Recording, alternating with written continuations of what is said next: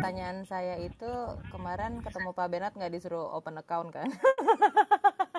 Oh, Biasanya langsung Pak Bernard mau umur langsung ya. satu, umur dua langsung. Nah, eh, Pak Bong, aku penasaran nih. Thank you all the host yang udah nanya. Eh, kalau eh, dari listener ada yang mau nanya langsung raise hand aja ya. Tapi saya sebenarnya masih ada beberapa kepenasaran nih. Nah, dari tadi kan belum ada yang nanya soal NFT meskipun Bapak tadi udah nyebut. Eh, jadi saya Oke. mau mau nge-add eh, tadi kan di goal 2022 Bapak tercatat ada NFT, tapi eh, saya lihat di sosmed Bapak nih belum pakai profile pic-nya gambar NFT kan biasanya yang hype bis hype bis itu semua udah langsung gambarnya NFT-nya. Nah, terus saya baca Twitter Bapak nih, eh, kayaknya kok ketertarikan Bapak ke NFT itu lebih ke sebagai NFT sebagai teknologi sertifikasi kayak buat sertifikasi properti atau Rolex. Boleh jelasin lebih jauh nggak sih Pak? Eh, saya sebenarnya nggak nggak begitu paham NFT, Oh, tapi eh, ketertarikan Bapak sudah sejauh apa sih? iya. eh, jadi sebenarnya memang eh, real estate itu kan kalau di Indonesia orang lebih familiar dengan kata properti ya. Betul. Padahal sebenarnya properti itu kan bukan real estate loh sebenarnya. Properti itu kan eh, kayak ya barang gitu ya. Mm-mm. Nah, jadi saya ngelihat bahwa NFT ini bisa jadi future property, walaupun bukan properti dalam arti real estate. Ya, Mm-mm. Eh, dalam arti gini, karena NFT itu kan non fungible token. Oke. Non fungible itu artinya adalah non replaceable. Jadi Ah. tidak bisa di tidak bisa ditukar, tidak bisa di replace dan artinya dia unik gitu. S- Contohnya adalah kayak Mona Lisa kan. Lukisan Mona Lisa itu non replaceable. Mm-mm. Kalau misalkan eh, ayam goreng misalkan di Hengri itu replaceable. Jadi Mm-mm. arti adalah kita pada saat beli gitu kan ayam goreng satu porsi kan kita nggak peduli itu jenis ayam yang Betul. mana yang penting Betul. satu porsi ya udah jelas kan. Mm-mm. Nah eh, saya ngelihat bahwa eh, barang-barang itu kita anggap punya value itu sebenarnya bukan hanya karena fisiknya. Misalkan Mhm. contoh Rolex banyak yang jual harganya bisa setengahnya karena tidak ada box dan sertifikat. Oke. Kemudian mobil kalau dijual bayangin nggak ada BPKB-nya Wah, itu juga pasti nggak ada nilainya. Heeh. Apalagi properti. Kalau nggak ada sertifikatnya, nggak ada HGB-nya, hak miliknya, serta title-nya itu pasti nggak ada nilainya. Mm-mm. Nah, jadi saya ngelihat bahwa eh, NFT ini akan akan akan punya masa depan walaupun memang akan ada winternya gitu. Akan ada winternya karena kan ini hal yang baru Ya betul. gitu. Jadi saya ngelihat bahwa NFT ini kan juga punya tiga, saat ini sih ada tiga ya. Jadi NFT Hmm. memang betul-betul lebih ke art. Mhm. Jadi ya eh, tidak punya utility tapi dia memang art collection aja. Betul. Jadi eh, kemudian yang kedua adalah NFT yang mungkin punya utility seperti game. Mhm. Jadi play to earn. Jadi kita bisa beli Oh, NFT untuk kita mainin karakter di dalam dunia game betul. dan NFT untuk yang punya utility community Ya ya ya. ya. gitu. Jadi ya saya ngelihat eh, apa ini satu hal yang memang perlu perlu kita pelajari lebih dalam gitu sih. Kalau NFT eh, virtual space Trinity Land mungkin ada nggak Pak? Kan sekarang udah pada jual-jual tanah. Iya iya.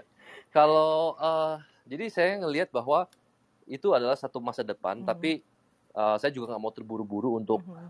eh, get in early, Mhm. ya karena kan sekali lagi itu kan supply and demand kan. Jadi Betul. ya ibarat kata banyak orang-orang yang memang tiba-tiba dapat stimulus Mhm. out of thin air eh, 2 triliun dolar ya mereka beliin aset-aset kayak Ya, gituan ya, ya. ya, ya. Ja- Jadi jangan kaget kalau semua naik. Gitu. Betul, Apa pun betul, yang di betul. dibeli terus ya pasti naik kan. Ya ya ya ya ya. Gitu. Bagus tapi juga jangan sampai eh, ikut-ikutan atau FOMO gitu. Tapi kalau brand-brand besar seperti Nike atau Mhm. Adidas atau H&M yang beli lahan virtual ya Mhm. mereka kan big corporate ya. Iya, itu nggak ada artinya dan mereka biaya marketing Mm, gitu. mm, mm, mm. Wah, keren keren. Tapi nggak sabar Mm-mm. kalau ada eh, saya mau satu cluster. oh iya Pak. Eh, Ya. Jadi ini kayaknya di tahap ini udah obvious kalau saya sering stalking Instagramnya Pak Bong ya. saya pernah baca nih Pak, Bapak kan katanya Ya. pernah menghadiahi anak buah Bapak mobil BMW gitu. Tapi saya juga Ya. pernah baca kalau Bapak tuh sebenarnya eh, jarang memberi reward untuk diri sendiri atas accomplishment Hmm. yang udah dicapai gitu kan ada di salah satu post Bapak. Menurut Bapak, Ya. what is a good balance sih? Soalnya kan anak-anak sekarang tuh selalu pakai hashtag self reward ya. Kadang untuk yeah. menjustifikasi kayak oh hari ini saya bangun jam 6 pagi beli apa gitu. kalau Bapak what is a good balance sih, Pak? Iya, uh, ya kalau bicara kalau dalam konteksnya adalah financial planning ya, mm -hmm. uh, atau kita kita ingin punya keadaan kondisi finansial yang stabil gitu ya. Mm -hmm. uh, kalau menurut saya sih simple kok kita harus bisa nikmati hidup. Jadi saya juga nggak setuju orang yang benar-benar uh, pelit, kemudian nggak mau enjoy life gitu ya, nggak mau nggak mau belanja gitu. Uh-huh.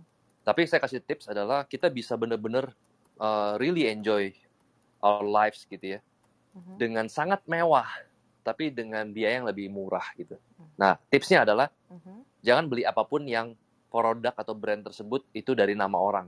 Okay. Itu aja. Contoh misalkan misalkan. Kita mau uh, tampil keren kita mau baju kita bagus. Kita beli baju Zara. Zara itu bukan bukan nama orang kan? Ya betul. Uh, kita beli baju misalkan uh, eh kita, kita beli sepatu Christian Louboutin. Itu nama hmm. orang kan? Iya uh, mahal kan? Pasti, iya, pasti. gitu. Jadi uh, uh, jadi uh, Rolls Royce. Kita beli mobil Rolls Royce gitu. Uh -huh. itu pasti mahal tuh. Betul. Karena nama orang gitu. Jadi uh... apa pun padahal sebenarnya kalau kita beli Zara bajunya bagus gak? Bahan kualitasnya bagus gak? Ya kita yeah. bisa enjoy kok. Tapi asal apa pun yang kita invest jangan nama orang itu aja. Uh, uh, yang kita beli lah. Oke okay, oke okay, oke. Okay. Wah interesting tips ya. Yeah. Jadi nggak boleh Christian Dior. Iya, karena itu kita kita sum, kita kasih sumbangan itu ke ke, yeah. ke family ke family mereka. Tapi kalau beli sama Zara boleh. Betul. Kamu Harus orang, ya kan? itu. Mah bukan. Aku sangka itu temenan. Jadi dia temenan sama si Zara. Yeah. bukan nama orang soalnya. Bukan, bukan.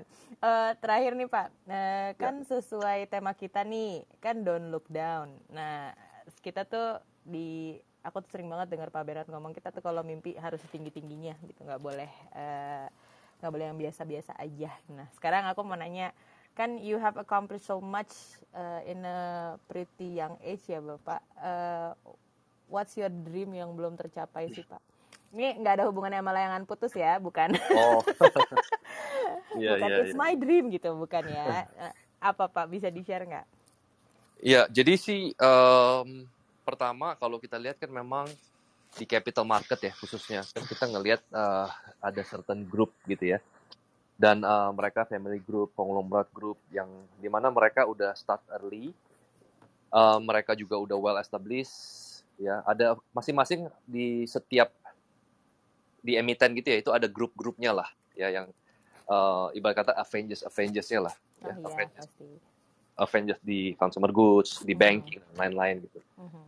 Nah uh, ada dua sih dream. Yang pertama adalah ya saya pikir kayaknya udah saatnya perlu ada satu grup baru yang memang itu bukan dari uh, back bukan yang bukan yang dari dari backup um, family business mm-hmm. atau atau grup konglomerat grup yang memang udah lama established gitu. Jadi uh, saya pengen uh, kita uh, dari dari dari ekosistem kita itu jadi jadi satu grup barulah yang yang mm. yang, well established di luar gitu. ya di luar daripada konglomerat grup gitu. Karena kan kita kan semua uh, mulai dari nol ya. Kita semua uh, self made, jadi uh, tidak ada tidak ada urusan dengan family business atau konglomerat yang memang sudah early. Itu yang pertama. Kalau yang kedua sih, uh, ya pengen ini sih, pengen pengen suatu saat uh, beli satu klub di Premier League. Wah.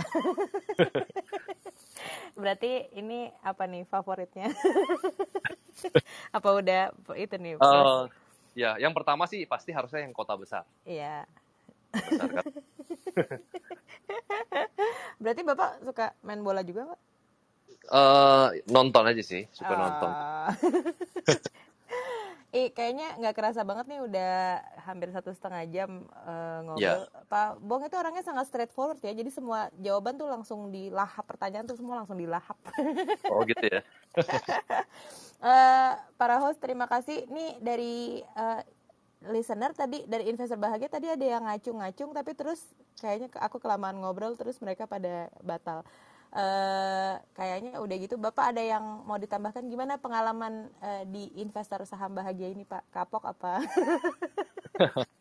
ya, kayaknya udah udah ini kali ketiga atau kali kedua ya. Uh, waktu itu mungkin namanya bukan investor saham bahagia ya. Jadi Mhm. saya udah beberapa kali sih ngobrol dengan Pak Bernard waktu itu di pagi Mhm. hari pernah ya. Oh Di, iya di, iya iya. di malam hari. Jadi ya uh, ya happy sih bisa ketemu dengan komunitas baru, Mhm. bisa sharing hal-hal baru, bisa ketemu teman-teman baru, ya Mhm. host-host yang uh, hebat-hebat juga, ya kan bisa tukar ilmu lah. Iya. Semoga eh, bisa ketemu offline ya Pak kapan-kapan. Eh, mungkin kalau Sentul udah bisa dibikinin event, ya. Ya, Kita ketemuan sambil mau nyoba eh, apa bicycle track tadi yang bisa glow in the dark. boleh, boleh, boleh. Kita nanti Seru. rencana akan buka 115 Coffee juga. Oh, Uh, kayak yang di uh, Bali ya Pak? ya kita akan kita Mhm. akan bikin uh, akan buka itu mungkin nanti di April atau Mei 2022. Oke. Asik. Thank you Pak. Pak Bong, Thank makasih you. banyak atas kesempatannya. Maksudnya udah sudi hadir di room ini. Yes, sama-sama. Thank you. Para host, thank you Thank ya you, Pak. Bong. Terima kasih Pak Bong buat malam Makasih, hari Pak Bong. Thank you, Eh, thank you sebelum semuanya. sebelum aku tutup, aku mau remind juga ya eh, kalau misalnya eh, percakapan kita hari ini akan aku upload podcastnya di Spotify dan Noise hari Minggu. Nah, minggu depan itu kan pas banget hari Selasa itu Chinese New Year. Nah, jadi eh, acara ISB-nya kita mundurin satu hari, jadi kita adainnya tanggal 2 Februari ya. Jadi Rabu depan itu kita mau bikin acara spesial. Kita mau ngikutin Pak Bong, kita mau bikin acara open house. Oke. kan nggak pernah nih host ISB biasanya kan cuma tiga per session. Nah sekarang eh, minggu depan akan hadir seluruh tim ISB full tim. Terus kita akan eh, ngundang tamu istimewa yang akan bahas elemen-elemen apa yang dominan di tahun macan air. Weh. Feng Shui penting kan ya Pak. Jadi eh, kita juga harus uh, mematchkan elemen kita dengan uh, peruntungan kita. Oke, okay? jangan lupa sampai jumpa minggu depan ya. Thank you Pak Bong, thank you investor. Thank you, thank you semuanya. Terima kasih Pak Bong, terima kasih semua. Thank you Pak Bong. Thank you semua. Thank you Oriana ya. Bye Pak. Bye Pak.